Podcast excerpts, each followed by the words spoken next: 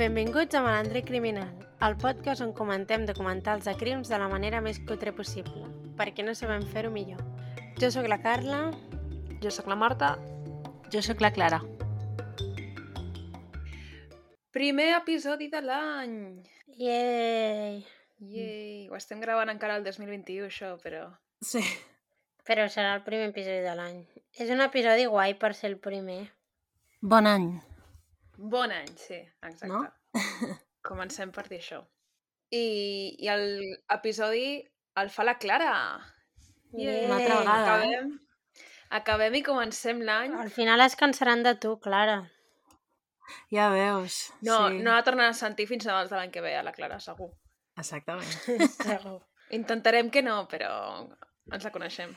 bueno, es fa el que es pot, es fa el que es pot. Què, us ha molat o què, el documental? Sí i no. Sa sabeu què passa? És que, us ho vaig a dir, la gràcia d'aquest cas és haver estat en el moment, Ja, saps? O sigui, s'ha és fet que tan... A mi el cas sí que, sí que m'interessa, el que no m'ha agradat entre cometes és el documental perquè és com que no entra en cap mena de detall, que suposo que és normal per un documental de Però- 40 minuts, però... Per, ara per no. això hi estic jo, perquè... I per un cas tan recent, perquè al ser tan recent tampoc hi ha gaires detalls que puguin dir... Ja, per això, Clara, sempre tries els casos més insatisfactoris.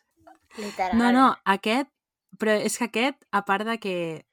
O sigui, bueno, a mi és que m'encanta aquest cas, però a part, jo, jo, hi vaig estar en el dia a dia, saps? Des de que va desaparèixer aquesta noia que ho, ho l'he seguit, he ajudat Mm. a buscar-la i he participat una mica en tot el... Sí, en tota la mobilització que hi ha hagut, sobretot a TikTok, i, i clar, és com que salvant molt les distàncies, molt, molt, molt les distàncies, és com també com el sento una part meva, saps? De, ostres, Sí. Vull dir que jo, jo vaig patir i, bus, i buscava no? el, tot això, i llavors per això m'agrada tant. Però després ens expliques quina va ser la teva implicació, perquè jo el recordo aquest cas, perquè, bueno, el recordo, és que és l'any passat, no? O d'aquest any. Però... D'aquest any. Sí, d'aquest... Bueno, de l'any passat, perquè ho publicarem al gener, això. Ah, bueno. Sí. Del setembre I- passat. Sí. I he llegit algunes coses, però no estava tan ficada com recordo que tu cada dos dies ens deies alguna sobre el tema. Sí. Sí, Sí, jo sí. havia llegit cada alguns dia. articles i tal, però... Cada dia, perquè no molestava gaire, però, vull dir, per exemple, amb la Carla era molt més pesada. Era en plan, pues que mira què ha passat avui, és que, saps? Vull dir, tenia com la Clar, necessitat. jo no m'enterava de res perquè no ho estava seguint, però ella m'ho seguia explicant igualment. Salvant les distàncies, òbviament, pel que ha passat. Va ser una experiència molt xula perquè eh, es va fer com molta comunitat, saps? Mm. i jo no, no ho havia experimentat en aquest nivell tan bèstia, perquè eren persones de tot el món eh, reunides per una persona random de... que havia sortit per les notícies, saps què vull dir? I no tenia res a veure amb, amb un cantant o una cosa d'aquest estil. I no sé, ha estat molt guai l'experiència i després al final del, del documental, si voleu, parlem una miqueta. La recomanes? Eh, no perquè al final és molt trist, però sempre que tingueu l'oportunitat de poder col·laborar en ajudar una persona, doncs per què no? no? Mhm. En fi, que volia parlar d'aquest cas i ja li havia dit a la Marta, i la Marta em deia és que no hi ha documental. I jo en plan, "Uah". Mm. Però al final ha aparegut aquest documental, que en veritat és una mica, bueno, és un 30 minuts, literalment, de- d'Austràlia, però jo l'he vist, o sigui, no el volia veure i fer el cas directament perquè es penses que ja m'ho sé tot, però m'ha agradat molt veure'l perquè els pares no han parlat eh, o sigui, no han sigut els típics pares que cada dos per tres sortien a la tele i tot això, saps? Eh, llavors ha estat molt, com molt interessant escoltar la veu de, de la mare i del pare i de com han viscut ells aquesta experiència. I, bueno, el documental s'han deixat moltes coses perquè al final són 40 minuts, però aquí estic jo, que us he fet fins i tot un timeline per explicar-vos com, com va passar tot. Sí, sí. Per a cobrir el drive, que no ho he fet. Perquè... Sí, no està, no està acabat el timeline, però el tinc a un altre lloc. Us esteu canviant els papers, eh? Mm? La Clara i tu, Marta. És que, uh, saps què passa? Mm, que són les 10 i 35, he arribat a les 10 i 27 a casa. vale?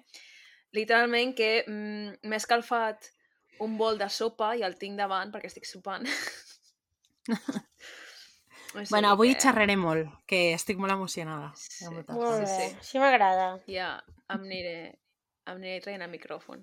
Ai, ai. És el miracle del nou any, això. Eh, no sé, comencem, no? Quan tu vulguis. Eh, vale, doncs, bueno, el cas que, que parlarem avui és de la història de la Gavi Petito, que suposo, si esteu una mica ficats en el fenòmeno true crime de Twitter, eh, TikTok, etc, doncs ha sigut molt, molt i molt famós. I, bueno, bàsicament, la història no té res... O sigui, no és una història que diguis buah, eh, té això d'especial o, saps? És potser una història molt normal de, un, una, de violència de gènere, Però hi ha coses guais de la història. però su- sí, tota, jo crec que tot el fenomen que ha anat arrossegant és el que el fa pues, una mica diferent no? a, a altres. Sí. Sí, perquè el cas en si, el- la mort en si, és com qualsevol Sí. altra. No tens Sí. res concret, super... Sobretot el, el, el cas en si, però també els debats que ha generat, perquè i ara aquí vaig a fer una reivindicació, jo no em considero en plan jove, perquè tinc uns anyets, però normalment Mare totes mia. aquestes xarxes socials, tipus TikTok i tal, aviam que no, no tinc 15 anys, tinc 26, m'explico, que ja sé que sóc jove, però no tipus de 18 i 9 anys, no?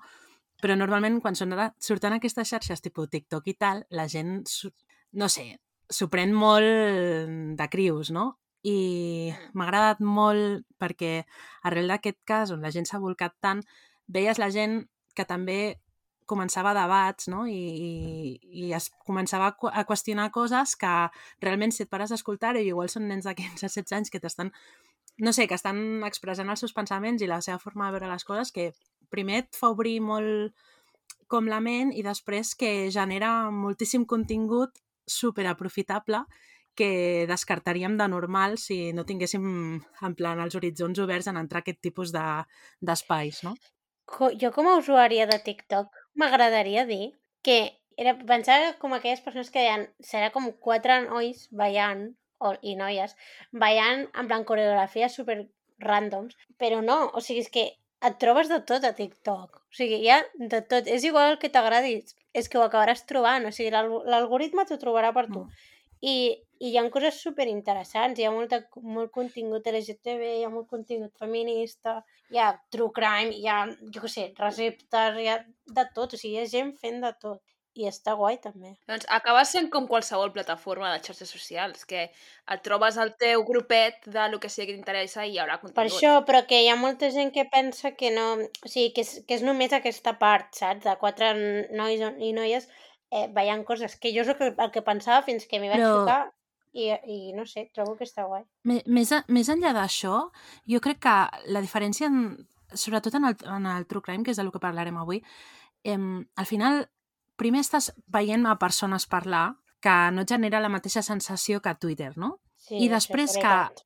Com és, o sigui, el nivell d'immediatesa és molt bèstia i cada vegada tenim més recursos des del casa nostra per poder buscar i fer coses que la gent que té una edat que no, tipus, no sé, per exemple, els meus pares, no? que no, no estan molt ficats en les tecnologies, no arriben, no perquè no puguin, sinó perquè no, no li han donat una oportunitat o creuen que no la necessiten, no? O tampoc els interessa, que també pot ser. Sí, no els interessa, no? Veus que gent jove està agafant casos o eh, problemes que passen de llarg per la policia, que això també és un tema que en parlarem d'aquí una estona, i els està aprofitant i s'estan trobant moltíssimes persones que, que no es trobaven des de feia molt temps. O sigui, TikTok, arrel d'aquest cas, s'ha convertit com una, una com, un, com si fos una font d'ajuda per famílies que no tenen l'oportunitat de poder accedir a una investigació policial decent. Però això no és nou, tampoc. No, No. no és nou, però el nivell de- d'implicació que, i d'accessibilitat que hi ha dins de la xarxa de TikTok i que s'ha creat arrel d'aquesta noia, eh, jo no l'havia vist mai. Pot ser que existeixi, però jo no l'havia experimentat mai i a mi és el que més m'ha sorprès. I i s'han resolt casos per internet perquè sempre hi ha hagut aquesta comunitat de gent true crime que potser ara amb el del TikTok s'ha estès molt més perquè va molt més ràpid i les coses es fan viral molt més ràpidament. Sí, Mm. totalment, eh? Sí, no, al final Reddit ha existit sempre, no? O, o en plan, Sí. els foros i s'han solucionat casos i ja n'hem parlat alguna Exacte, vegada és, és d'algun. com el mateix però amb una xarxa social que va molt més ràpid i que tens la informació concentrada en un minut. I que ho trobes sense buscar-ho. que això també és important, perquè al final, si tu vols buscar informació d'un cas a Reddit, has de conèixer el cas, llavors, si t'interessa, vas a Reddit i el busques, no? A TikTok què passa? Que al final t'ho posen al, al, al principi de la pàgina, llavors, encara que no t'interessi, ho veus i dius, ostres, i ja a partir d'aquí entres al piques al hashtag i tens 70.000 persones que també aquí s'ha d'entendre que s'ha de discernir no, la informació, vull dir, com sempre, no? Al final no tot el que surt a les xarxes és real i no. Però és aquesta immediatesa i aquesta capacitat d'arribar a tot arreu que jo crec que el fa diferent a altres xarxes com podria ser Reddit o Twitter, no? Hmm. Eh, jo crec, o a mi em dóna la sensació que les coses, o sigui, que els vídeos aquests, aquesta xarxa social, la veu moltíssima més gent que si posessis un tuit. No sé, igual és la meva sensació, però com que crec que Mm. arriba com a molt més llocs i una cosa es pot fer viral en un minut i llavors també trobo que això potser pel tema aquest de la Gavi Petit o per altres fenòmens de TikTok pues, també és com que ho fa tot com molt més gran perquè en, més, en menys temps et veu com moltíssima més gent que si fas un tuit random, saps? Hmm. En fi, això. I que l'algoritme funciona molt bé a TikTok. Ah, bueno, pues això, el que, el que parlàvem. Eh, en el cas de la Gavi Petito s'ha fet molt famós perquè jo crec que és el que ens podríem trobar tots nosaltres, no? En certa manera et sents identificat. Si ets eh, jove, tens xarxes socials, etc etc, doncs et pots sentir en major o menor mesura identificada una mica amb la, amb la seva història. Ella és una noia, era una noia de 22 anys que d'Estat, d'Estats Units, òbviament, i quan acaba la carrera decideixen doncs, que volen fer una mena de road trip no? de per, tota, per tota Amèrica i el que fan és comprar una furgoneta Que antiga. això es fa molt per allà, no? Sí, la- l'adapten. Digueu, digueu que és la seva parella, perquè estàs parlant en plural però no has dit res de la seva parella. Sí, perquè ella al principi la seva idea era fer-ho sola, o sigui, anar sola... la- L'aventurera, diguem que era ella, no? El que passa que s'ajunta amb un noi, que és el Brian Laundrie, que també té aquesta idea de la vida una mica holística, no? De, de, de portar-te per on et porten els camins i deixar-se perdre, i llavors decideixen que ho faran els dos abans d'una mica sentar-se i, i doncs, intentar formar un, una família, per així dir-ho. Que és una mica la història típica de, que et venen als Estats Units, no? De salgo de la universitat amb la meva parella tota la vida de la de l'escola i, i formem una família i tenim un gosset, no? I aquestes coses. Imagina't estar què passa. promesa amb 22 anys, que és el que... Perquè estan promesos, no? De fet, un any abans, el, el 2 de juliol de 2020, bueno, són, o sigui, es converteixen, com, com es diu en català? L'engagement, que és la...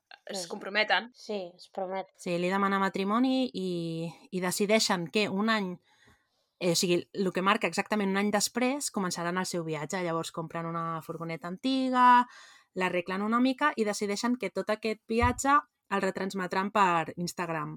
Tant en fotos com també en vídeos... No és bueno, per YouTube, també?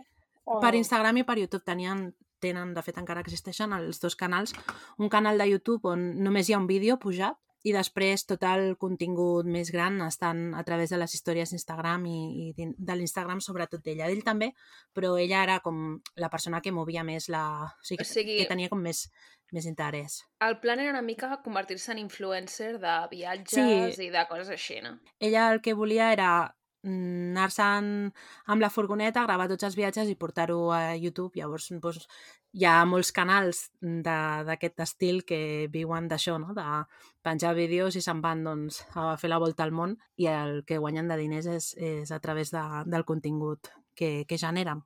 I aquesta era una mica, una mica la idea. I explicant als seus pares al principi que a mi, bueno, jo sóc una mica bleda, no? ploro per tot. I m'ha costat escoltar els pares perquè en molts moments era dura la història i més, suposo que també al ser tan recent eh, encara impacta una mica més, no? Jo pensava, ostres, pobres. bueno, en fi, que explicaven això, que els pares, doncs, que era una noia molt oberta, que era molt simpàtica, que sempre feia, doncs, sempre estava com fent coses, no?, per, per aventures i tot això, que tenia molts amics, etc etc. I això, el Juliol decideix deixar la feina i marxar i, i començar aquesta, aquesta aventura.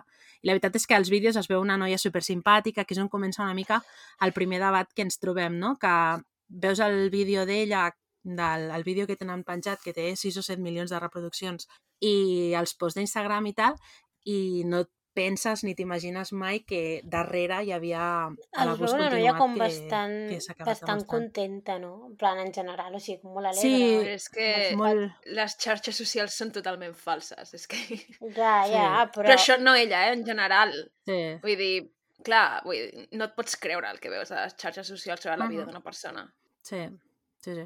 Llavors, eh, començant el viatge al juliol, el dia 2 de juliol, i diguem que des del 2 de juliol fins a l'11 d'agost tenim tot el viatge sense cap problema, no? Tal com, com havia de funcionar. Els pares, doncs, dia sí dia no rebien notícies d'ella, eh, ella els explicava doncs, tot el viatge, com anava, i bueno, no hi havia cap més, cap més problema. Primer se'n va anar a Kansas, després a Colorado i després a Utah, que és on acaba explotant tot. La idea no era tant visitar Amèrica o Estats Units, sinó els parcs nacionals, no? I fer rutes i caminar i veure doncs, les muntanyes i tot això. Molt American White Girl, eh, tot això. Sí, sí, bueno. Ella té tota pinta de- d'això, de, la... Bueno, és igual. Ah, no, aviam, no ens enganyarem. Al final, per poder permetre't marxar X mesos amb una furgoneta adaptada, pobra no ets. No, ja, anem ja. a, anem a dir-ho. Sí. Que també les, és, és més la sensació que dona que, de- que després el que era, perquè, bueno, òbviament era, era blanca, no? Però eh, jo, clar, li vaig estalquejar a totes les xarxes i estava com molt mobilitzada amb temes socials de, de les mobilitzacions dels negres i tot això. Vull dir que, que no era tan woke com igual semblava, no?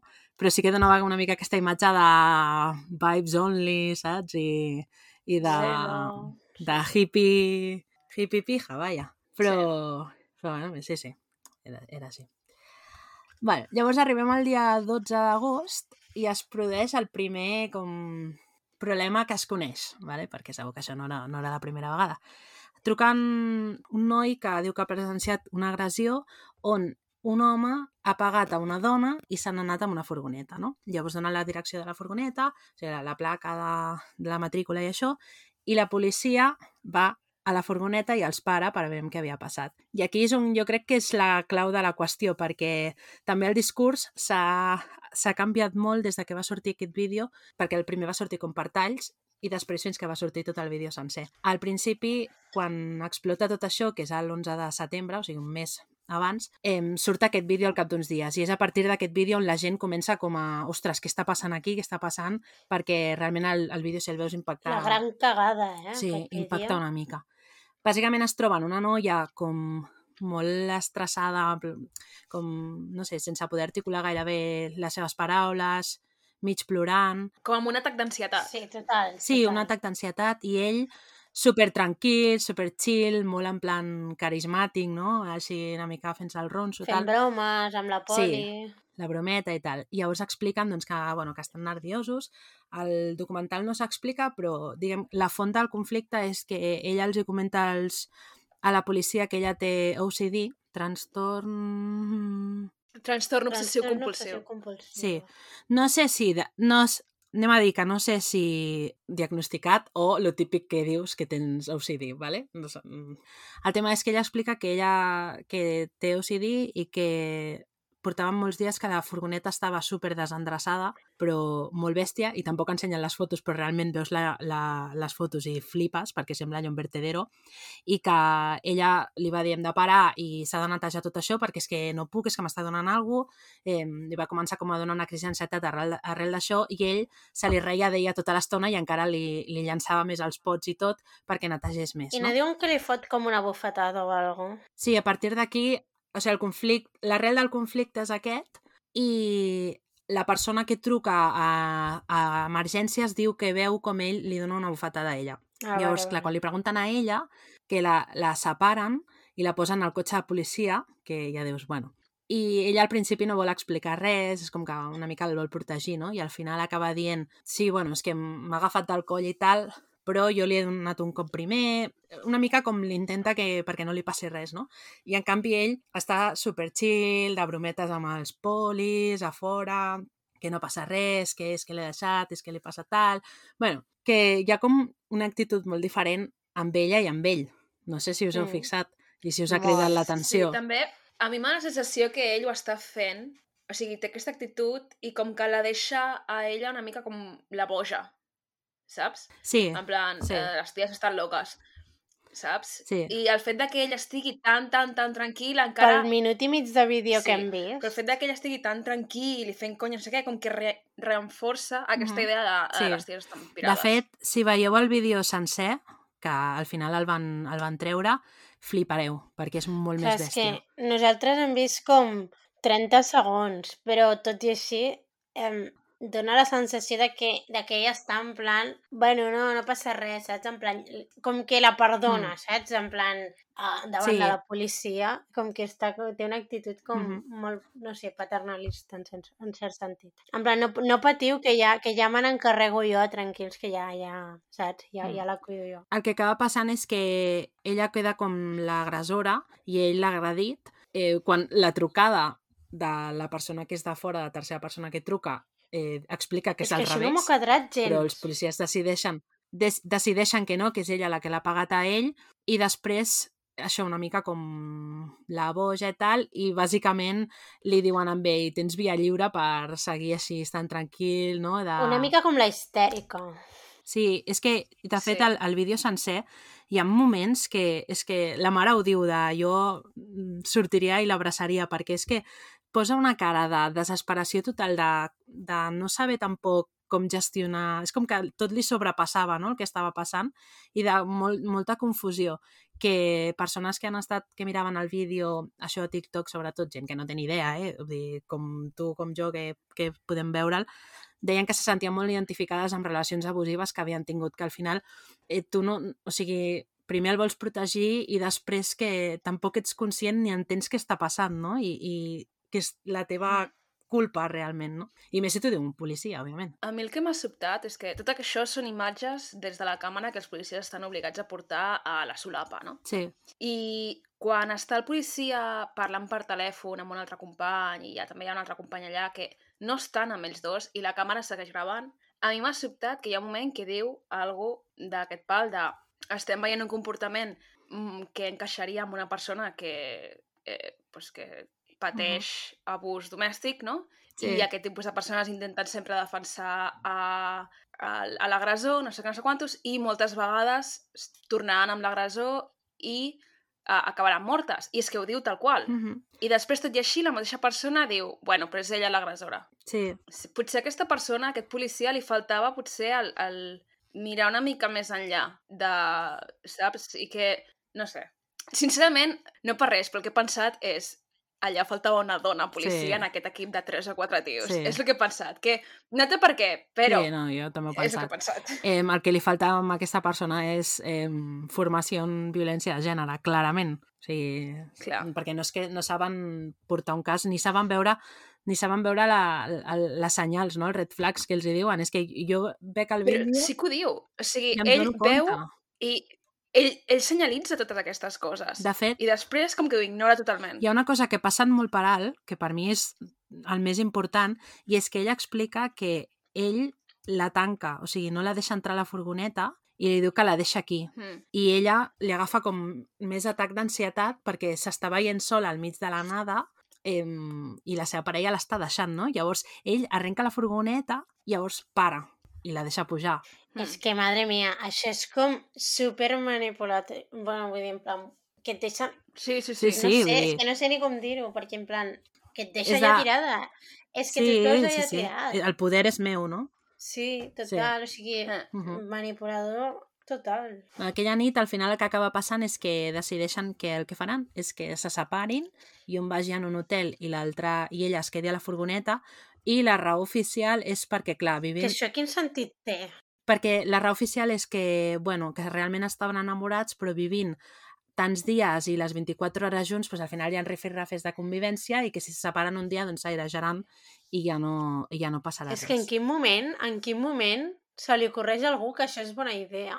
No, no perquè sigui mala idea en si, però perquè dius, i ja, i ja, en plan, separin un dia i tots contents. Clar, el que els hi faltava aquí, a mi no em sembla la pitjor idea, però el que hauria faltat hauria sigut un check-in el dia següent amb ella.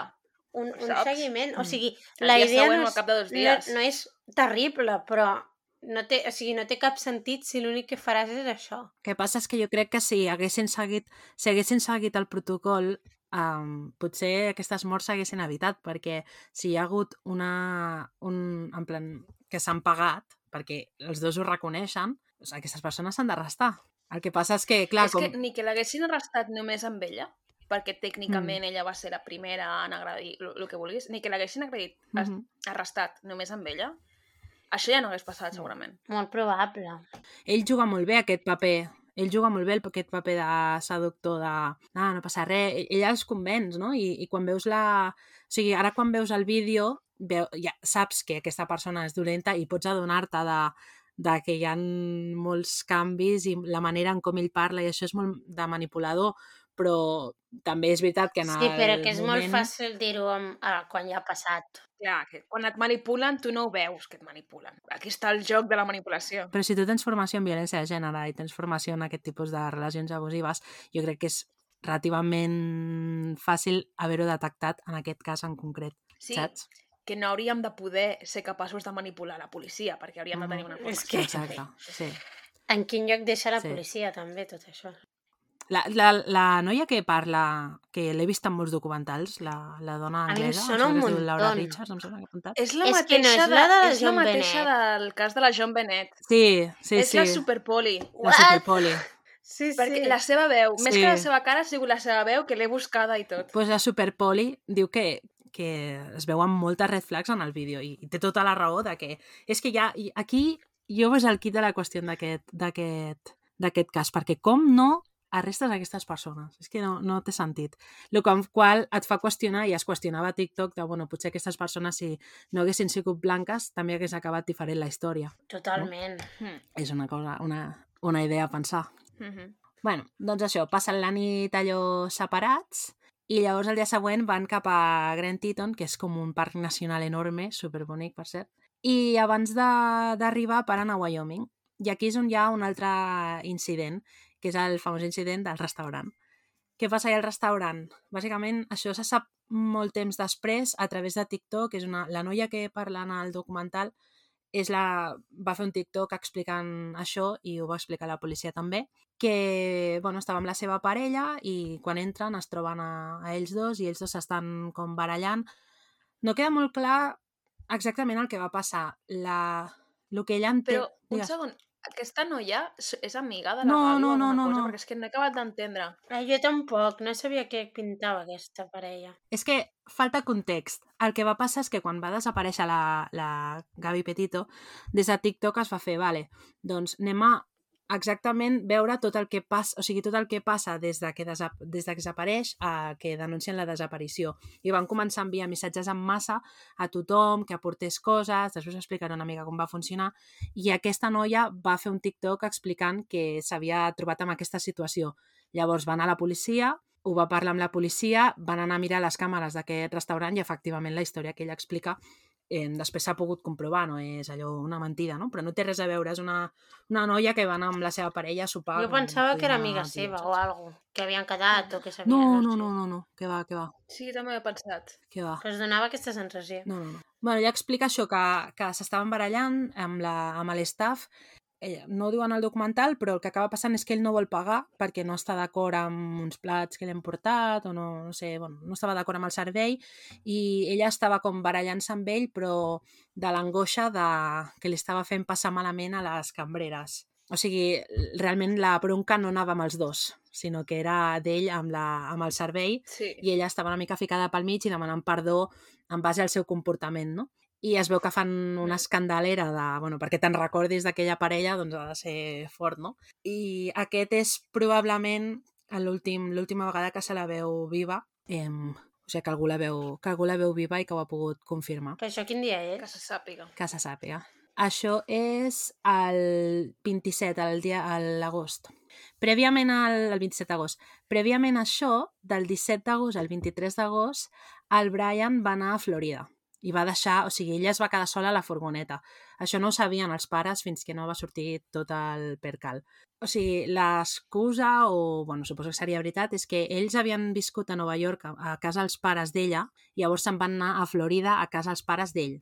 Llavors, tot el, tot el que portaven, en plan, el que ells tenien al seu apartament, ho van posar dintre d'una, d'un- d'una, com es diu, un storage unit d'aquests, un, un traster, un lloc on hi ha molts trasters. I Portem fatal, eh? Sí. Sí. de les coses. Fatal, fatal. I ell va anar a Florida a canviar d'un traster a un altre perquè se'ls hi va acabar allò que tu pagues doncs, per 5 mesos, llavors ho havien de treure i ho havien de portar a un altre lloc. Llavors va marxar una, una, això, uns quants dies i després va tornar amb la Gavi, que és quan van anar a sopar, uns dies després. Però això és raro també perquè ella no ho ha dit, o sigui, ella no ho va dir a la família que estava sola. Suposo que per no preocupar els pares o el que fos, Ja, doncs no els hi va dir que, que estaria uns quants dies sola eh, per allà voltant. Llavors, el dia 30 d'agost és quan hi ha l'última comunicació amb la família. Eh, és una comunicació molt estranya perquè els envia com un missatge que els diu no tinc, estic a Grand Teton, no tinc cobertura, digue-li a l'Stan que m'agradaria ajudar-lo però que no el puc ajudar des d'aquí, si plau aneu a casa seva a ajudar-lo. L'Stan aquest és el, l'avi de la, de la Gavi, que és el pare d'ella, de la mare. I això els hi crida molt l'atenció perquè ella mai li diu pel nom al seu avi, o sigui, el seu avi li diu avi, no? No li diu pel No. nom. I aquí és quan la mare comença a sospitar que hi ha alguna cosa rara, perquè... És, un- és raro. Sí, no m'ha parlat en tres dies, m'envia una cosa rara de cop, no sé, estrany, no? I després una altra cosa que els hi crida molt l'atenció és que ella, si entres al seu Instagram, tenia un feed supercoordinat, no? Les fotos totes tenien un sentit, una mateixa estètica, o sigui, era, es veia un perfil molt treballat. I de cop penja una foto d'ella eh, amb un grafiti darrere i una carbassa, no sé què, i posa Happy Halloween a l'agost, cosa molt creepy perquè uh, per Halloween era quan havien de tornar i s'acabava el viatge. I, What? Sí, i tampoc els hi quadra perquè és que no, no quadrava amb l'estètica no? de, de, de tot el perfil que tenia, era molt estrany. I, llavors vas sumant cosetes i dius, ostres, que això és molt raro, algú, algú està passant aquí.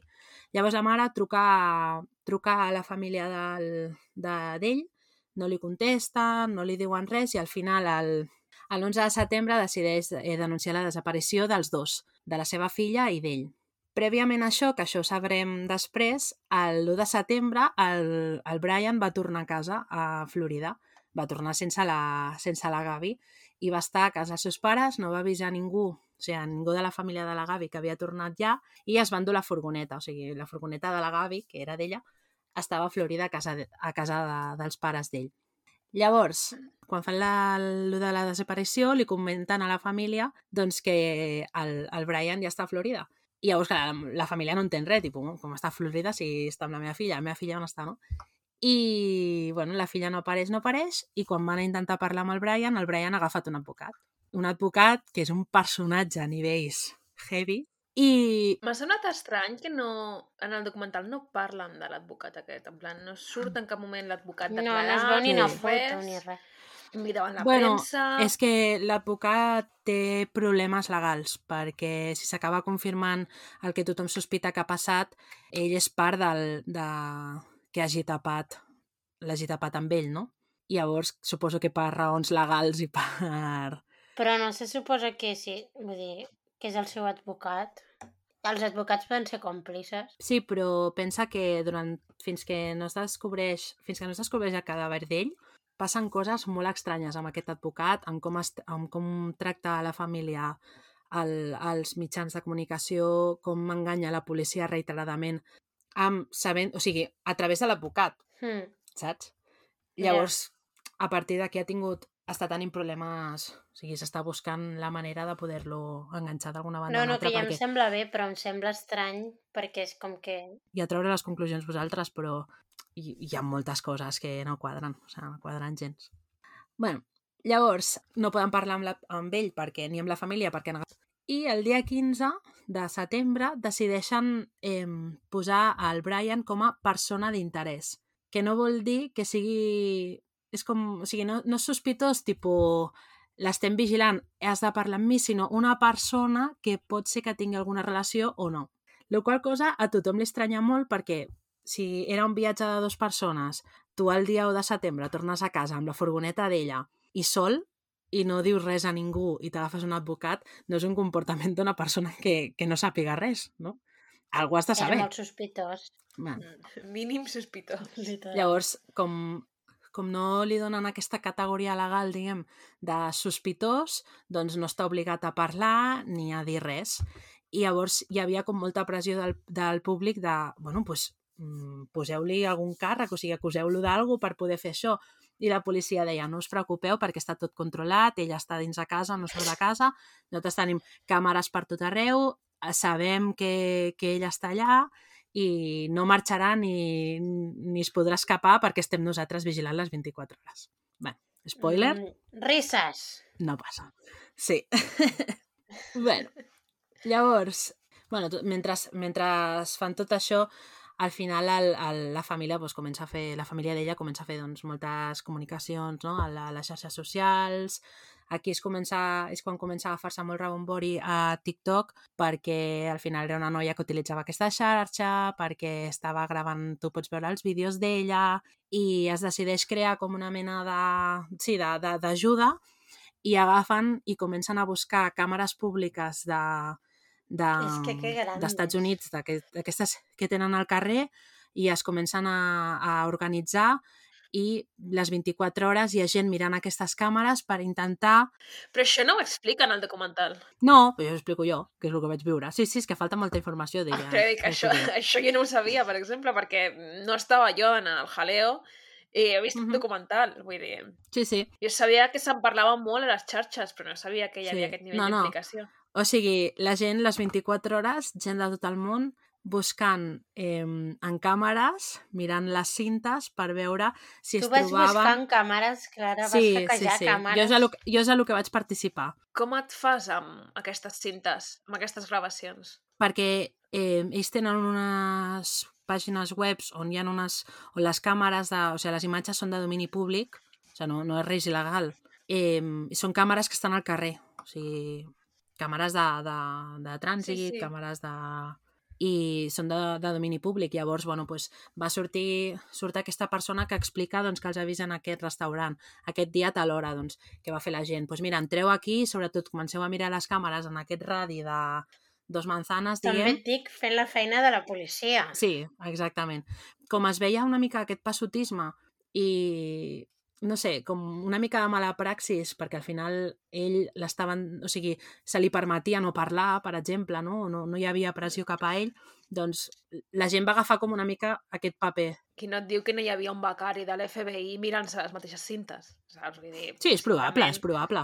És una feina que s'estava fent, però la gent pues, es va implicar i va començar a fer-ho pues, també Sí, a la seva. però pensa, o sigui, la majoria del, dels avenços que hi ha en la investigació venen arrel de, de coses que es troben al TikTok. O sigui, Mm. la, aquesta noia que parla del restaurant ve de TikTok. Hi ha una altra noia que recull el Brian, que tampoc ho expliquen aquí, entre el 30 i el 3 o el 4 de setembre, el recull d'un parc de Grand Teton i el porta a un altre lloc i tenen una conversació molt estranya, això també apareix de TikTok. Vull dir, tot el, tot el recorregut... Quina conversa tenen? Eh, hi, ha, hi ha un dia que... No, no recordo el dia exacte, però la noia es diu Melissa, em sembla. Hi ha un dia que el Brian fa allò autostop i Sí. ells l'agafen i ella li escriu a sa Però mare... Per què "Ah, fa autostop si té la, No, està la sol. furgoneta d'ella? Però la furgoneta d'ella? No, no, no, no hi és, o sigui, no hi és. Està sol i ell diu, mira, és que la, estic amb la meva parella acampant a X lloc i he baixat a buscar qualsevol cosa, whatever, no? I necessito que em porteu fins a l'entrada del parc perquè jo poder tornar.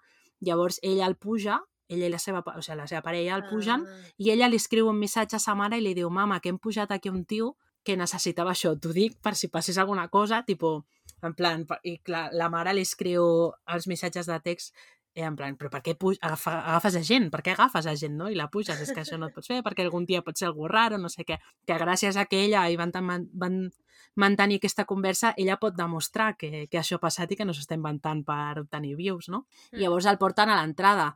Fins a aquell moment ningú sabia que, o sigui, la, la policia ni ningú sabia que estaven acampant en aquella zona en específic. Després, Sí. que això sí que ho expliquen en el documental, el tema de la furgoneta. O sigui, descobreixen la cinta de la furgoneta perquè també hi ha una altra parella que està gravant vídeos en el, al YouTube i pengen al seu blog i clar, la gent comença a veure el vídeo i diu, ostres, però aquesta furgoneta no té una placa de Florida, hòstia, a veure si és la furgoneta de la Gavi, no?, que havia sortit.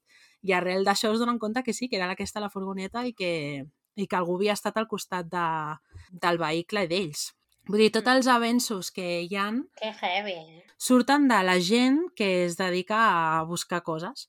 Que això no vol dir que, i que segur que hi havia un treball darrere de la policia i que probablement haguessin arribat al mateix eh, lloc més tard, però és tanta gent que està participant que al final tot va molt més ràpid, no? Mm. I altres coses que es fan és que es fan molta recolecta de diners, eh, es van fer... Molt, eh, saps allò? Es diuen cepelines, els, aquells, aquells globus que porten un missatge i van... Sí, els Zeppelins. Sí, els Zeppelins aquests.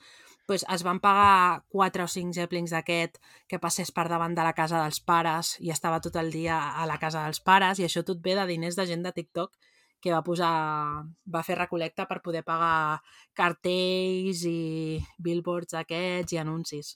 Vull dir que tot s'ha mogut a través de, de, de xavals, literalment. Superbèstia, em sembla. Sí, sí.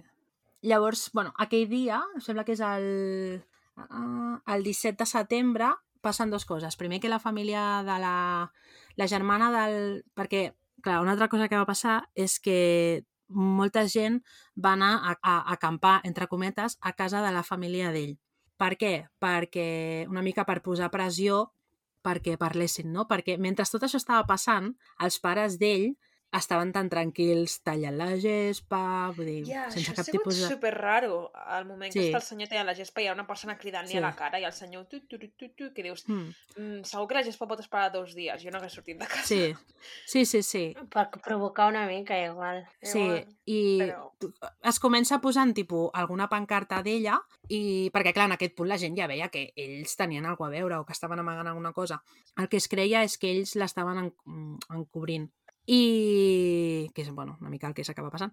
I llavors comencen a posar, a posar cartells i això, però al final acaba havent-hi gent permanentment allà, dia i nit, eh, pues, posant pressió perquè, perquè parlin.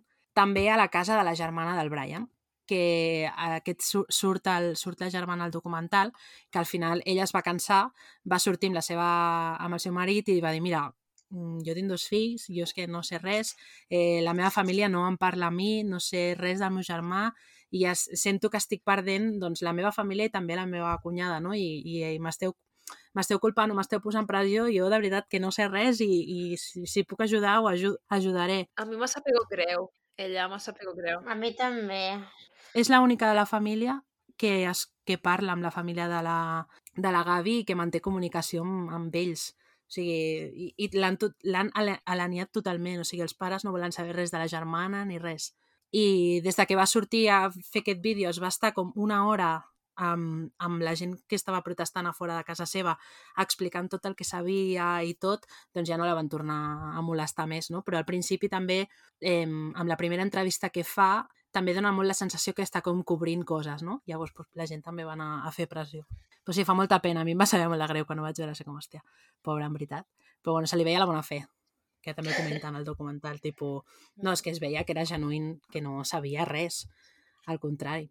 I, bueno, I això, també el 17 de setembre, a part de que passa tot això, clar, perdoneu, és que torno. És que també hi ha un altre problema, que és que just en aquells dies, en el mateix lloc, en el mateix pàrquing on recullen el, on aquella noia recull el, el Brian, hi ha un doble homicidi d'una parella de lesbianes.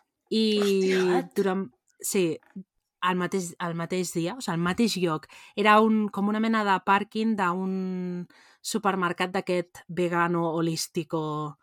Perquè us feu la idea, allà va molta gent i viu molta gent amb aquest estil de vida una mica bohemi.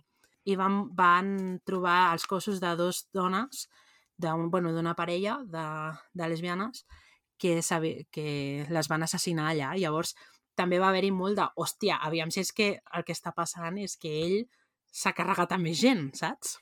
O sigui, sí, hi havia, clar, hi, igual hi havia una connexió, Madre perquè mía, asesino en sèrie. ju, just la casualitat de que de cop apareixen tres cadàvers... O sigui, mm, hi ha tres desaparicions de tres dones, no?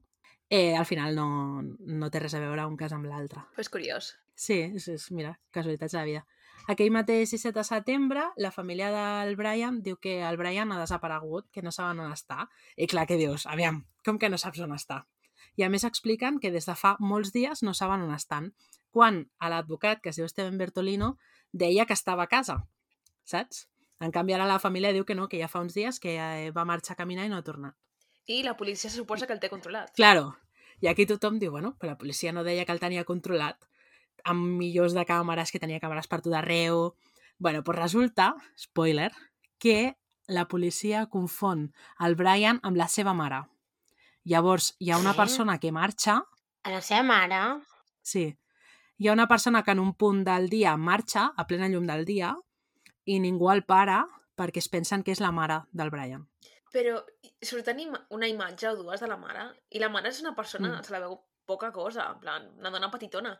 I aquest tio semblava bastant alt i... Sí, la No. mare, la mare també també és més alta que sembla, aparentment. O sigui, ell, diuen que s'assemblen molt, però clar, una dona de 50 anys amb un pavo de 19 o 20, o sigui, en plan, de 20 anys, Ja. no sé, vull dir, amb, no, vamos, com, com et confons? O sigui, és que, és que no té sentit, no? Potser molt Bueno. de lluny, amb un ull mig Sí, sí. Pues des de fa molts dies que no hi ha ningú allà. Llavors, clar, això ja, aquí ara ja estàs buscant a dues persones, no? A la Gavi i també al, al Brian. Aquí la gent és quan ja s'emprenya, o sigui, és quan ja es lia molt perquè és que en- veuen que ningú està fent res i que els estan rient a la cara. Llavors comencen aquestes batudes, eh, una a Utah i l'altra a Florida, i el, em sembla que és el 19 de setembre, si no recordo malament, que serien vuit dies després de la desaparició de la Gavi, la, bueno, diuen que han trobat un, un cos a, a Wyoming i acaba sent la, ella. Ho troben arrel del que us comentava del vídeo aquest de la parella que també viatjava, que van gravar la, la furgoneta. La, el cos estava a 300 metres, vull dir que, que no estava molt, molt lluny. I quan li fan la- l'autòpsia, doncs revelen que la van estrangular. Claro, tens una persona que està aquí que l'han estrangulat. Vale, pues la policia segueix considerant que ell no és sospitós. Vale? Mm. i segueix sent una persona d'interès no és sospitós, per lo tant, no se'l pot fer parlar ni hi ha una, una ordre d'arrestar-lo. Simplement se l'està buscant perquè està identificat com una persona que, que ha desaparegut. Vale? Ja us podeu imaginar la gent en plan, però què està passant aquí? Com és possible que no, se'l pugui, no se li pugui posar cap càrrec?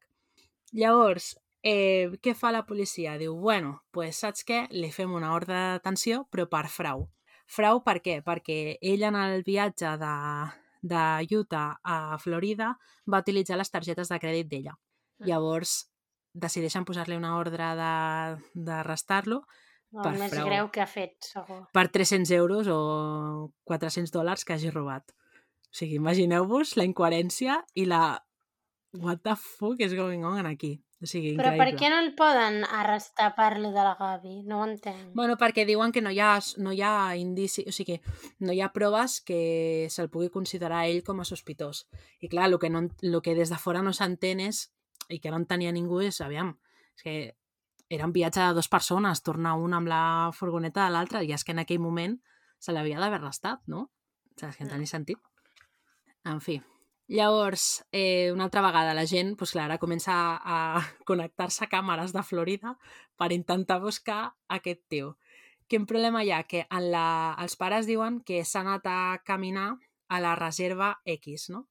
I aquesta reserva és molt bèstia, és enorme, però és que a part les aigües es mouen en plan cada dos dies i zones que estan inundades eh, al cap de dos dies estan seques i al revés.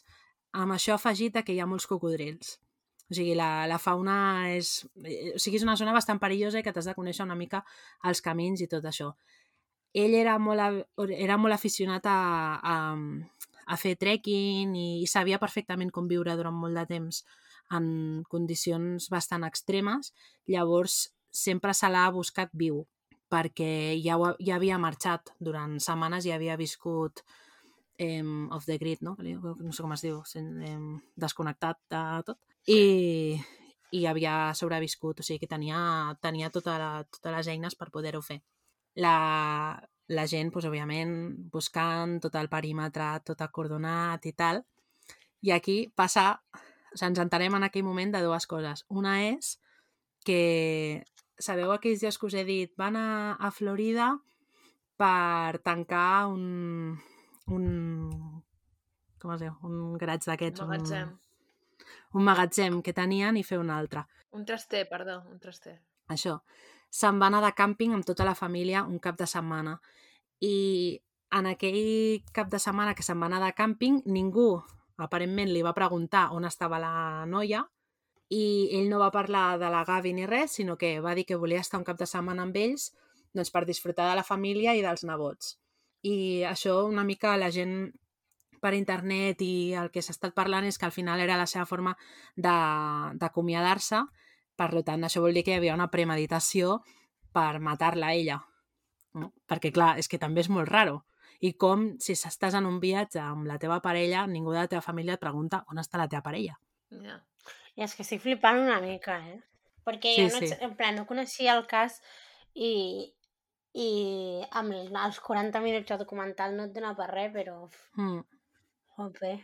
sí, sí. Però la idea llavors és que ell s'ha suïcidat perquè no deixen clar el documental. No, no, no, no. To tota l'estona es pensava, aviam, al final de tot, quan ja portaven O tant sigui, de quan se'l temps... troben i tal. Sí, es, qüestiona, es qüestionava si estava viu o no, però el problema que hi havia és que la policia sempre ha buscat en una zona en concret, que és la reserva aquesta salvatge. Però què passa? Que ells busquen en aquell lloc perquè la família li diu que ha anat a caminar a aquell lloc.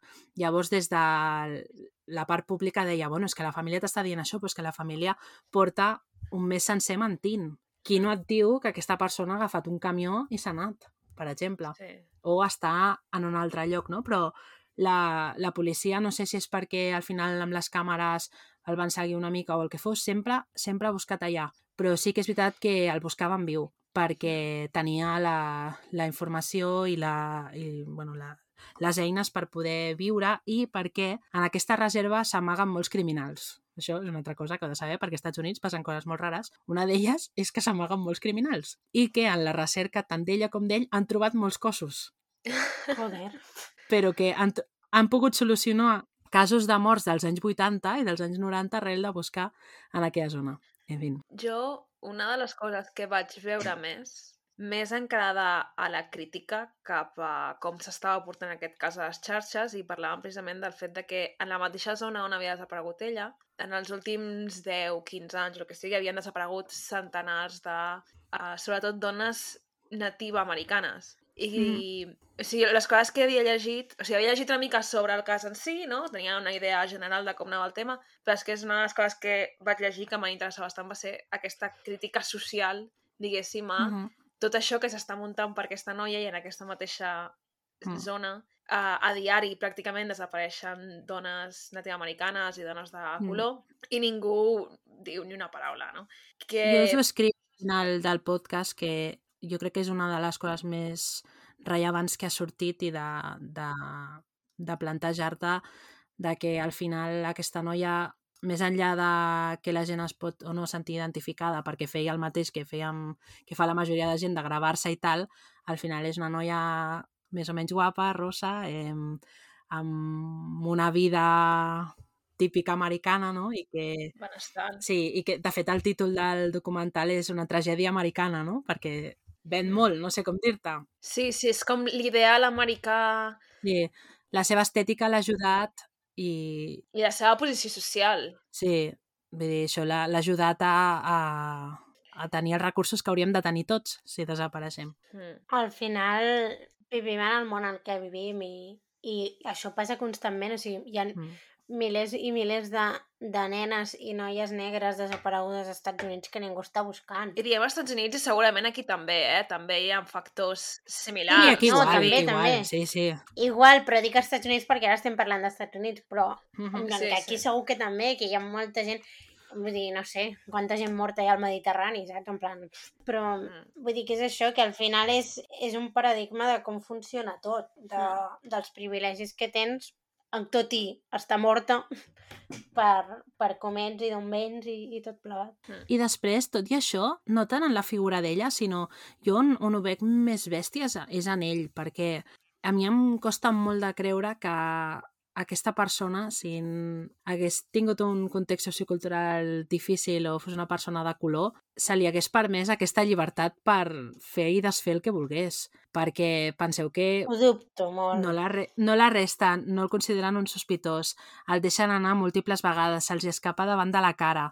Eh, és que són moltíssimes coses. No, sí, sí, que- coses. Si el nòvio hagués sigut negre, l'haguessin arrestat al moment, al moment que algú va dir que havia passat alguna amb una furgoneta. Vull dir, I no, I no us estranyi que hagués acabat mort en el moment de la detenció, sense haver-lo ni, detingut. És que si ho penseu, ells no tenen problema per arrestar la gent. Jo arresto i luego pregunto. Llavors, és molt curiós, com en aquest cas és totalment al revés, no? És que no tenim suficient evidència, no sé què. Hi ha algú no quadra, o sigui, no... És el que jo crec, a mi és el que més m'ha cridat l'atenció d'aquest cas, perquè al final una noia rosa, mona i tal, és una narrativa que l'hem escoltat moltíssim i que, i que seguirà passant. sí. La cosa bèstia de tot això és que quan comencen a buscar-lo amb ell, va tothom a buscar-lo. O sigui, la FBI, els militars... O sigui, va tot Cristo, tot Cristo. Una, una despesa de... Els militars. Sí, sí, una de, una de despeses que fins i tot van aprofitar el... Com era, és que com era una zona tan difícil de, de buscar persones i de la, la climatologia i tal, van agafar com tots els militars que estaven en pràctiques per anar a Afganistan on se'ls hi peti que han de tirar bombes, per buscar-lo i entrenar-se. O sigui, perquè us podeu imaginar. Llavors, clar, imagineu-vos als Estats Units que fan ahí una mica todo lo grande i molt pel·liculero, pues 300 cotxes de militars de cop caminant cap a dins de, del, del bosc i lives en directe a YouTube les 24 hores Mare veient meva. com es feien aquestes maniobres. O sigui, aquest era una mica el, el nivell. Estan fatal aquesta gent, en sèrio. Llavors, el, el dia 27 de setembre, els pares parlen per primera vegada amb l'FBI. O sigui, diguem, ja com qüestionant-los. Els pares d'ell. Sí, els, pare, els pares d'ell. Perquè llavors els pares d'ell el que fan és, bueno, és que hi ha com dues coses, perquè els pares d'ell el que fan és, bueno, el meu fill és una víctima perquè al final està desaparegut també i no sabem el que li ha passat, i al mateix temps ells fan vida com si no hi hagués, no hagués passat res. Eh, que també crida molt l'atenció perquè, ostres, si el teu fill està desaparegut, el més normal és que tu el busquis, participis en les cerques, no sé, hi hagi un mínim interès, no? I en canvi hi ha la imatge de l'home mm, passant la, el, el tallagespes, saps? Mm. Per això la gent també pensava, bueno, és que segur que aquesta persona ha marxat i ells saben el que ha passat i no estan preocupats perquè se'ls veia a ells pues, plantant plantes i fent allò la seva vida. És que llavors havien de saber on estava, no? Perquè si no, Clar. el més lògic és que, que tu busquis el teu fill desaparegut. Mm -hmm. És el que, el que es parlava, de que, ostres, que això... Vull dir... Llavors que la família d'ella, a l'octubre, diu, bueno, aviam, que no s'oblidi que la víctima és ella, no? I que és una falta de respecte que a la família d'ella estigui intentant equiparant la història del seu fill amb el que li ha passat a la meva filla. Mhm. Però se sap exactament com ha mort el, el Brian. Aquí ve quan la maten, ¿vale? El 7 d'octubre el pare eh, ajuda en una cerca. Ajuda en una cerca és que va davant del parc i diu, bueno, al meu fill li agradava anar per aquí, per aquí, per aquí. Vale. I, i se'n torna a marxar, vale? I eh, mentrestant el parc estava tancat al públic, òbviament, en plan, ningú podia entrar en, en aquest parc, com és lògic. Llavors, el dia 20 és quan explota com tot, vale? En aquest episodi ha explotat tot tres vegades ja, Clara. Sí, però ara explota del tot, ara ja és com el pico del surrealisme. O sigui, tu imagina't jo a les 3 del matí veient això en directe i pensant què collons està passant. bueno, això, que el pare diu he decidit que avui vull ajudar en la cerca i la FL li diu, vale, doncs pues vinga. Tot això està gravat en vídeo, se podeu imaginar. Total, que van el pare i la mare Ho hem de buscar, I- tot això, eh? Sí. El pare i la mare diuen, bueno, pues aquest és per al camí que més li agradava anar. I la policia diu, vale, pues busquem aquí. O sea, bueno, això ho estic ficant jo, aquestes veus, eh? No ho diu en el vídeo, sinó estic ahí fent, ficant-vos ficant en situació. I llavors el, els pares diuen, vale, pues nosaltres anirem per la dreta i el policia diu, vale, pues jo per l'esquerra i us deixen els pares sols al, al camí. Els deixen sols. Sí. al vídeo estan els pares, com els dos, caminant com per... O sigui, diguem que és el, car... o sigui, el carrer... És com un, un, una pista no, de, de muntanya que ja està feta perquè la gent camini, o sigui, no és passar entremig d'arbres i tot camí. això, no? Sí, un camí Bueno, el que has dit tu, una pista. Sí, tot el que hi ha al cantó és la malassa i el, i el bosc i tot això. bueno, hi ha un matorral allà. bueno, molts matorrals, òbviament, però bueno, un mato el matorral. I el... Total, que el, van el pare i la mare caminant i el pare agafa, s'aparta del, del camí, es fica darrere el matorral i surt i diu, ei, que he trobat alguna cosa. I portaven, ah. perquè es fa una idea, mes i mig, mm, dos mesos, eh, tots els cossos de policia, eh, gossos, bueno, de tot, buscant i no s'havia trobat res, ¿vale? Quasi que sembla que sabria, podria saber on estava, eh? No sé, dona Sí. aquesta sensació. Home, quasi Sí. sembla que ho portava a sobre i simplement s'ho va treure de la butxaca darrere de, del matoll. No, escolta'm, és que el vídeo és molt bèstia, és molt bèstia, o sigui, sembla ma mare intentant dissimular que ha agafat una pinya pel gos que no el vegi, o sigui, és d'aquest estil. Total, que diu, he trobat alguna i troben com, com si fos una... Com es diu? Un, saps aquest menjar que va enllaunat? Hmm. Que és com menjar especial Conserva. per quan marxes Conserva. molts dies. Sí, com unes Ah, conserves. d'aquest menjar deshidratat. I... Sí, sí, una bossa com de... una bossa de plàstic El que mengen els militars. Sí, i d'aquestes bosses que són... que no entra l'aigua. Saps que són específiques per anar molts dies? Sí. I a dins troben, doncs, em sembla que, no sé si, no, no recordo si era tipus una ampolla i un... bueno, menjar, vale? Mm. I ell diu, això és del meu fill. O sigui, aquesta bossa és, és del meu fill. Clar, llavors tota la policia va cap allà i uns metres més, més, És que ja me'ls estic imaginant. uns metres més endavant troben un crani, una motxilla i una, llibre, una llibreta. Per què és important lo de la llibreta? Perquè la motxilla, òbviament, estava plena de coses, però quan es fa la, la, fan una roda de premsa a la FBI, recalquen molt clar que han trobat una llibreta al costat. I la gent es qüestionava, bueno, si, és que, si diuen això vol dir que la llibreta es pot llegir, però com és que aquesta llibreta es pot llegir si aquesta zona estava inundada fa dos dies? Mhm. Llavors, el que s'ha acabat sapiguent és que sí, aquesta zona efectivament estava inundada els dies abans de... O sigui, que buscaven és al principi del parc, o sigui, al principi de la reserva, no va, no va caminar molt, i la llibreta està mullada, però es pot recuperar el text, el que hi ha escrit a dins. I a dia d'avui encara no sabem quina informació hi ha dins, o sigui, no se sap si mm, és un escrit que va fer ell, sí, no és un, és un escrit que va fer ell, Tant pot ser una o- confessió, com una nota de suïcidi, com... Pot ser un tres en ratlla, sí. Però sí que crida molt l'atenció que si especifiquen hi ha una motxilla que no expliquen quines coses hi ha dins, una llibreta, vol dir que suposo que hi haurà informació rellevant que al final s'acabarà s'acabarà Perquè la traient. llibreta la troben dins de la motxilla o fora? No, fora. O sigui, troben la motxilla i la llibreta al costat i un crani. Només el crani, no troben la resta del cos. No, només troben el, el crani i em sembla que és part d'un crani. El que acaben fent és que eh, al principi I no l'han trobat encara, diuen el, el cos la resta del cos. Sí. No, però és probable que no el trobin, perquè pensa que tota aquella zona estava inundada dies abans, per tant hi havia cocodrils allà. Llavors, el més probable i segur és que el, o sigui un cocodril o sigui X animal se l'hagi menjat. Troben, frac... Mm. o sigui, troben com part d'un crani. Però I, han confirmat Ja. que és d'ell, per ADN o el que sigui. bueno, a través de les dents. Saps? Del Ah, vale, vale, sí, sí. Dental Records, diuen? Sí, sí, I els... ho confirmen... D'això dentals, ho com conf- es diu? Dental Records.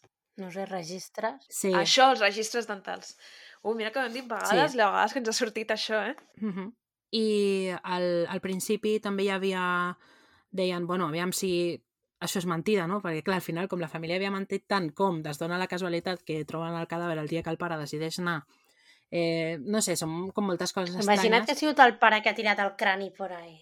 Clar, molta gent pensava, ojo, aviam, Ja. mirem això bé, que no sigui una que per altra això t'he persona preguntat o... si l'havien identificat amb proves reals, perquè, en plan, Mm. si és un fragment d'un crani, podria ser un fragment de qualsevol crani, saps? Sí. L'última notícia que hi ha al respecte sobre això és del 23 de novembre, que és un mes i alguna després, on la, la família d'ell va confirmar la, o sigui, que era ell el del crani i que la causa havia sigut un... La un- família ho o sigui, confirma. Sí, la família d'ell. Eh, que, bueno, que s'havia s'havia fotut un tiro, vaja, al, al cap. O sigui, un suïcidi. Mhm. I, clar, ara, aquí, bueno, òbviament, clar, no es pot dir, no? Però està bastant clar, no?, que va ser ell que, que la va Home, matar i després va tota a la la reserva matar-se. Mm. I després ara s'ha de veure quines responsabilitats legals es poden atribuir a la família i la mala praxis del, o no de la policia, perquè al final aquí hi ha una família que, que ha patit una mort que era molt evitable? I després tot el Mm. calvari que li han fet passar, no només el fet... Bueno, les dues ho eren, segurament. Sí, les dues ho eren, però al final el calvari que ha passat la família d'ella per Sí, part de sí, l'altra total. família és molt bèstia, molt bèstia. I costa molt d'entendre l'actitud de, de la família d'ell, no? Bueno, al final l'estem intentant protegir, entenc, no? Sí, però No em costa tant d'entendre. O sigui, que no em sent... Bueno, no, a mi òbviament, sí. Moralment, eh, no està gaire bé, però no, no em costa tant d'entendre, sincerament. Però a mi, em, per exemple, em costa d'entendre quin és el pensament darrere de, bueno, el meu fill se'n va amb una pistola de casa a la reserva X, si tu vols protegir el teu fill, no entenc per què el deixen que es suïcidi, per exemple. Però igual no ho sabien que s'anava a suïcidar, igual genuïnament es Ja. pensaven que anava a escapar-se i que simplement farien veure lo de Sí. ah, hem trobat la motxilla, saps? Potser aquest era el plan. Sí, sí, totalment, i el més segur és que sigui així. Però també em sorprèn que aquest nivell de despreocupació els dies després, eh, després que sàpigues exactament on està el cor... No sé, a mi em, jo crec, parlant sense saber, òbviament, que em dóna la sensació que ell va dir que es volia escapar, o sigui, que volia escapar-se, que s'amagaria a la reserva a X lloc, que els pares en tot moment sabien on estava i que finalment acaben dient que el seu fill ha desaparegut quan perden la comunicació amb el seu fill. Saps què vull dir? Que igual es comunicaven d'alguna manera o, o alguna altra amb algun telèfon o el que fos i És bastant factible. quan deixen de tenir comunicació al cap d'uns dies doncs decideixen denunciar la desaparició del seu fill.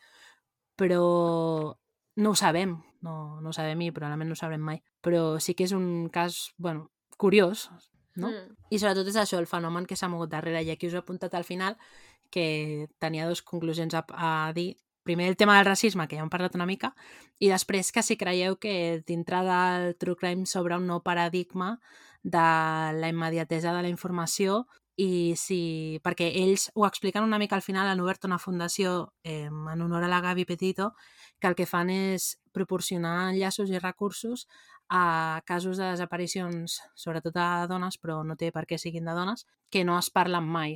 S'han pogut solucionar ja tres o quatre només amb la... Ells han creat una conta a TikTok i han dit, bueno, mira, doncs ja que heu estat treballant tot amb la Gavi Petito, no sé què, si plau, ara feu-ho amb altres casos, no? Llavors parlant, bueno, doncs va, anem a focalitzar-nos. Me'n recordo el cas d'una noia asiàtica que va desaparèixer i l'han trobat, l'han acabat trobant. Ara un noi que també que li faltava una mà, que a Texas que s'ha perdut al desert i l'han acabat trobant. Llavors, està guai i espero que això segueixi, en plan que no quedi aquí, Estic òbviament. cotillejant la pàgina web de la Gavi Petito Foundation, que suposo que és això el que estaves parlant. Mm, sí, sí. I res. I ho trobo superinteressant això que dius de, de com s'ha s'ha involucrat la gent a través de les xarxes socials i tot el rotllo. I penso, bueno, el que has dit ara tu una mica, penso si, si passarà amb altres casos, si, si, no sé, si ara tots ens tornarem com mig detectius, saps? En plan, intentant esbrinar Mm. o solucionar casos, saps? Perquè les xarxes socials et donen com, com, un, com un poder raro de, de poder, de poder estar com al 100% involucrat en una cosa al moment, Sí. tota l'estona. Com dèiem al principi, això dels detectius d'internet no és una cosa nova. Uh, Entre cometes, però eh? la manera... No, entre cometes no. Odio aquesta expressió.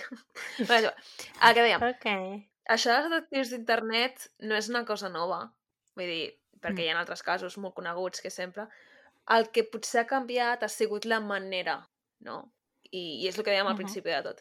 La manera en com la gent, aquests detectius d'internet, es comuniquen i tal, potser és molt més ràpida i potser és molt més accessible que ho era doncs, fa, no sé, 3, 4, 5 anys, 10 anys. Clar, és que pots compartir informació amb molta gent Sí. superràpid. I també pots compartir informació amb gent que sap sobre certs temes molt més ràpid, perquè, per exemple, a mi últimament, no per aquest cas en concret, no? però a, a diverses xarxes m'estan apareixent molt més contingut de gent que són... He sigut advocat durant 12 anys i ara pues, em dedico a analitzar documents de judicis X i es dediquen a llegir els documents del judici i a explicar-te què significa una mica cada cosa i coses així, no? Doncs Mm. crec que també és molt... No sé, com que s'ha normalitzat molt més que persones professionals facin servir les xarxes socials per ensenyar també al públic general. I així també el públic cada cop és com que saps una mica més, no? I saps per on tirar més i tal. Uh -huh. I el fet de que sigui TikTok, doncs, l'únic que ha canviat és això, lo, lo ràpid que vas amb aquesta informació. Uh -huh. Perquè, ja, et dic, hi ha altres casos. Una de, arrel d'aquest cas, també no sé si us heu enterat, segur que sí, perquè ha sortit fins i tot a TV3, que, crec que va ser a l'octubre, igual estic equivocada, va desaparèixer una nena a Austràlia de Sí. 3 anys o així, en Sí, un, em també en, sembla. un, en, en una zona de camp, d'acampada i tot això, i Sí. aquest va ser un dels casos que també des de TikTok es va moure moltíssim, les mateixes persones que es movien amb, amb la Gavi pues, també es va moure moltíssim Sí. i al final es va acabar trobant En una setmana. i en vida, que, que és el més important, que la trobessin en vida, i, i també, doncs, clar, al final t'arriba, saps? I aquesta, aquesta immediatesa d'informació és també molt beneficiosa per, per aquest tipus de casos, tot i que també s'ha de tenir en compte que al final hi ha d'haver una criba, no? I que tot el que es publica online Clar, no és bon ni dolent i, i que hem de saber ser crítics, o sigui, ens hem d'educar en ser crítics amb el que llegim a les xarxes socials per poder identificar les coses que hem d'agafar i les que no, no sé com dir-ho. clar, i que també potser arriba un punt en què tenir tantíssima gent involucrada pot ser dolent per la investigació, pot ser dolent pel judici, perquè mm. s'ha difamat aquesta persona a internet i ja pues, no pot tenir un judici just perquè no pots trobar un... no? Coses d'aquest tipus, no sé exactament com Mhm. funcionen. Per tant, és molt beneficiós en aquest tipus de cosa, no? Hi ha aquesta immediatesa i hi ha aquesta bona fe i aquesta voluntat, però jo també crec que a vegades també pot arribar a certs punts en què deixa de ser beneficiós per, Mm. no sé si per les víctimes, però pels professionals que estan investigant o jutjant o defensant, saps? Sí, sí, total. Jo crec que hi ha d'haver-hi, o sigui, que han, d'aprendre a conviure, no? La part més eh, legal, més de la policia, no? Fent Mm. els seus protocols i tal, però que després també hi ha eh, una opció que no és legal, o sigui que tens menys responsabilitats, no? Perquè al Mm. final no s'ha de respondre amb tants protocols i que et pot ajudar a doncs, fer aquesta feina poder més social, no? De, de Eh. no sé. El problema també és que els, les lleis i els protocols no s'han adaptat a lo ràpid que va el món d'internet. Mm. I potser per això aquí és on, on fluixeja la cosa. Sí. I en, I en tots els sentits, eh? Perquè, per exemple, us en recordeu que us he parlat d'una foto que va penjar la Gavi Petito a Instagram, que no quadrava gaire amb el feed? Un, els Sí. investigadors al principi això no ho miraven i, i donaven per fet que el dia X que es va publicar aquesta foto ella estava viva perquè havia publicat aquesta foto al perfil. Però, primer, eh, persones que estan educades a les xarxes socials perquè hi viuen és el primer que els va cridar l'atenció. Després van començar a analitzar la imatge, van veure que el color de cabell, o sigui que s'havia fet les puntes, les tenia molt més eh, blanques que en fotos anteriors, per tant aquella foto era de molt més enrere. Després també van veure que aquell... I de les bueno, arrels i no sé què, no? Sí, les arrels van fixar-se en coses molt superficials que potser una persona que no està obsessionada en tenir un feed maco a Instagram doncs no s'hi fixaria, però els joves d'avui en dia que tenen molt per la mà això poden identificar que això és un comportament fora de l'ordinari, no? Mm. Dic els joves d'avui en dia perquè jo, Instagram, quan no faig servir, pues, tampoc ho sabria, probablement. O sigui, jo, a mi no em cridaria l'atenció aquella foto, vaja, fins que no m'ho Sí. dirien, no? Però crec que està guai això de, el fet de que cadascú en la seva àrea de, d'experiència doncs, pugui aportar per solucionar aquest tipus de casos. La llàstima és que acabi d'aquesta manera, òbviament. Ja. I després la importància de la formació en gènere de la policia, perquè és que això es podia haver evitat. Sí. Però bueno, esto ja és otro, otro, otro gran tema. També ho hem comentat Mm. ja, eh, comentem cada dos per tres. Sí, sí, sí. Mm. Però, Clara, ens portes casos que no tenen un final satisfactori. I a mi això no m'agrada. Ja, Però prou ja. ja, eh? Sí, sí. El pròxim te'n busques sé. un en principi i final. Vale? I em sap greu. Sí, sap estaria bé. Bueno, aquest. Aviam, té principi i final, aquest. Home, final... Tampoc final perquè mm, ens queden més preguntes que respostes. Clar. I no us intriga això, és que a mi m'agrada això, en plan. Clar, tio. No, jo, jo vull un final. Punt i final. Jo també, jo prefereixo final, eh? Jo vull inici, final i no haver de pensar gaire, que ja està. Com si fos una novel·la. Tenim un inici, Literal. un desenvolupament, un punt clau i després hi ha un desenllaç. Bueno, ja es mirarà. Ja fa l'any que ve, no? Fa final d'any de l'any que ve. Per final... Ah, no, d'aquest any, 2020. d'aquest any. Perdoneu. Per final d'any d'aquest any. Que no es noti. Quin cacau que portes, eh? Ja, és que clar, jo visc en el 2021, però és que al febrer viuré en el 2021 encara, eh? Vull dir. Ella viu en el moment. Sí, sí, jo vivo en el és que-. Això ja ho penjarem el 2022, que ens queden dos, literal dos dies per 2021, perquè Una salutació a la Clara del futur. Espero Sí. que a dia... Quin dia ho pengem això? El dia 3? Dia 2? dia 6, crec. pues, Cla Clara del futur, espero que el dia 6 de gener encara tinguis el challenge de les coses que vols fer per cap d'any en marxa. Clara, si no ho escoltaràs, això que estàs dient, Sí, sí, m'ho escoltaré, m'ho escoltaré. no t'ho escoltaràs, perquè no. faràs, faràs el mateix que fa la, Cla la Carla. Ho escoltaràs durant un minut i mig i diràs ai, escoltarà la meva pròpia veu. Sí. Sí, bueno, Bueno. és això el que faig, eh? Però ja està. Sempre. Jo ho intento, però llavors no puc. I ho Us de heu de ficar a editar i que s'us passin les tonteries. Per cert, l'altre dia estava eh, el dia de Nadal i em van fer posar un episodi del podcast per sentir-ho i literal que vaig estar buscant un episodi en què jo no parlés gaire i, meva. i vaig posar un de la Marta, òbviament. I a més, Marta, per què tota l'estona em poses a mi de la intro del principi? Jo no sabia, això. Però tota l'estona buscava un que no sortís jo de la intro del principi i tot surto jo.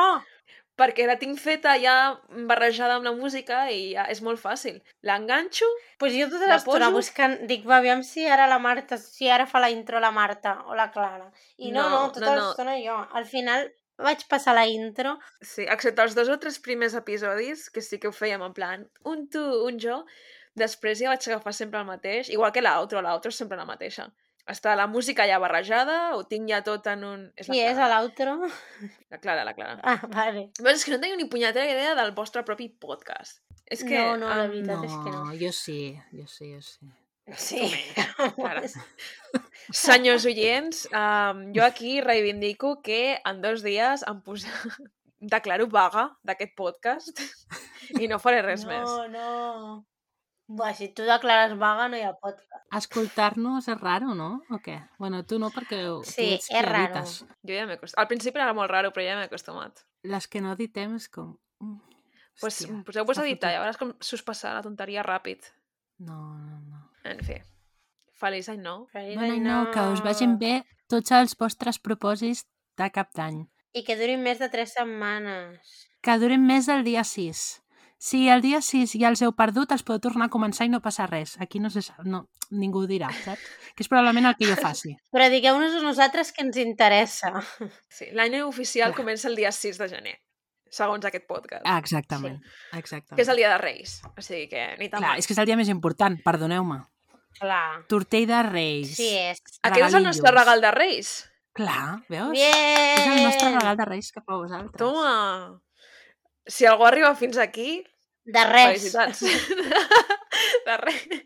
Si algú arriba fins aquí, que ens enviïn un emoji de- d'un pepino a Instagram. I així ho sabem.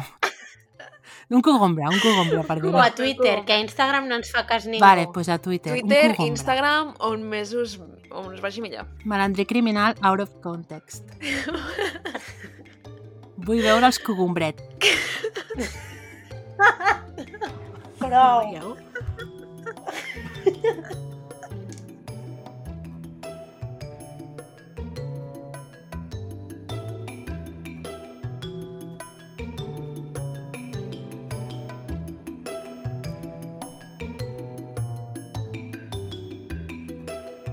Fins aquí el programa d'avui. Si us ha agradat i us heu entretingut, podeu subscriure-us. Ens trobareu a Spotify, Apple Podcast, Google Podcast i altres plataformes. També podeu deixar una ressenya o un comentari, que això ens ajudaria molt. Si voleu comentar-nos què us ha semblat directament, ens trobareu a Twitter. Simplement busqueu Malandrí Criminal Podcast i us hauria de sortir. Gràcies per escoltar-nos. Adeu. Adeu. Adeu.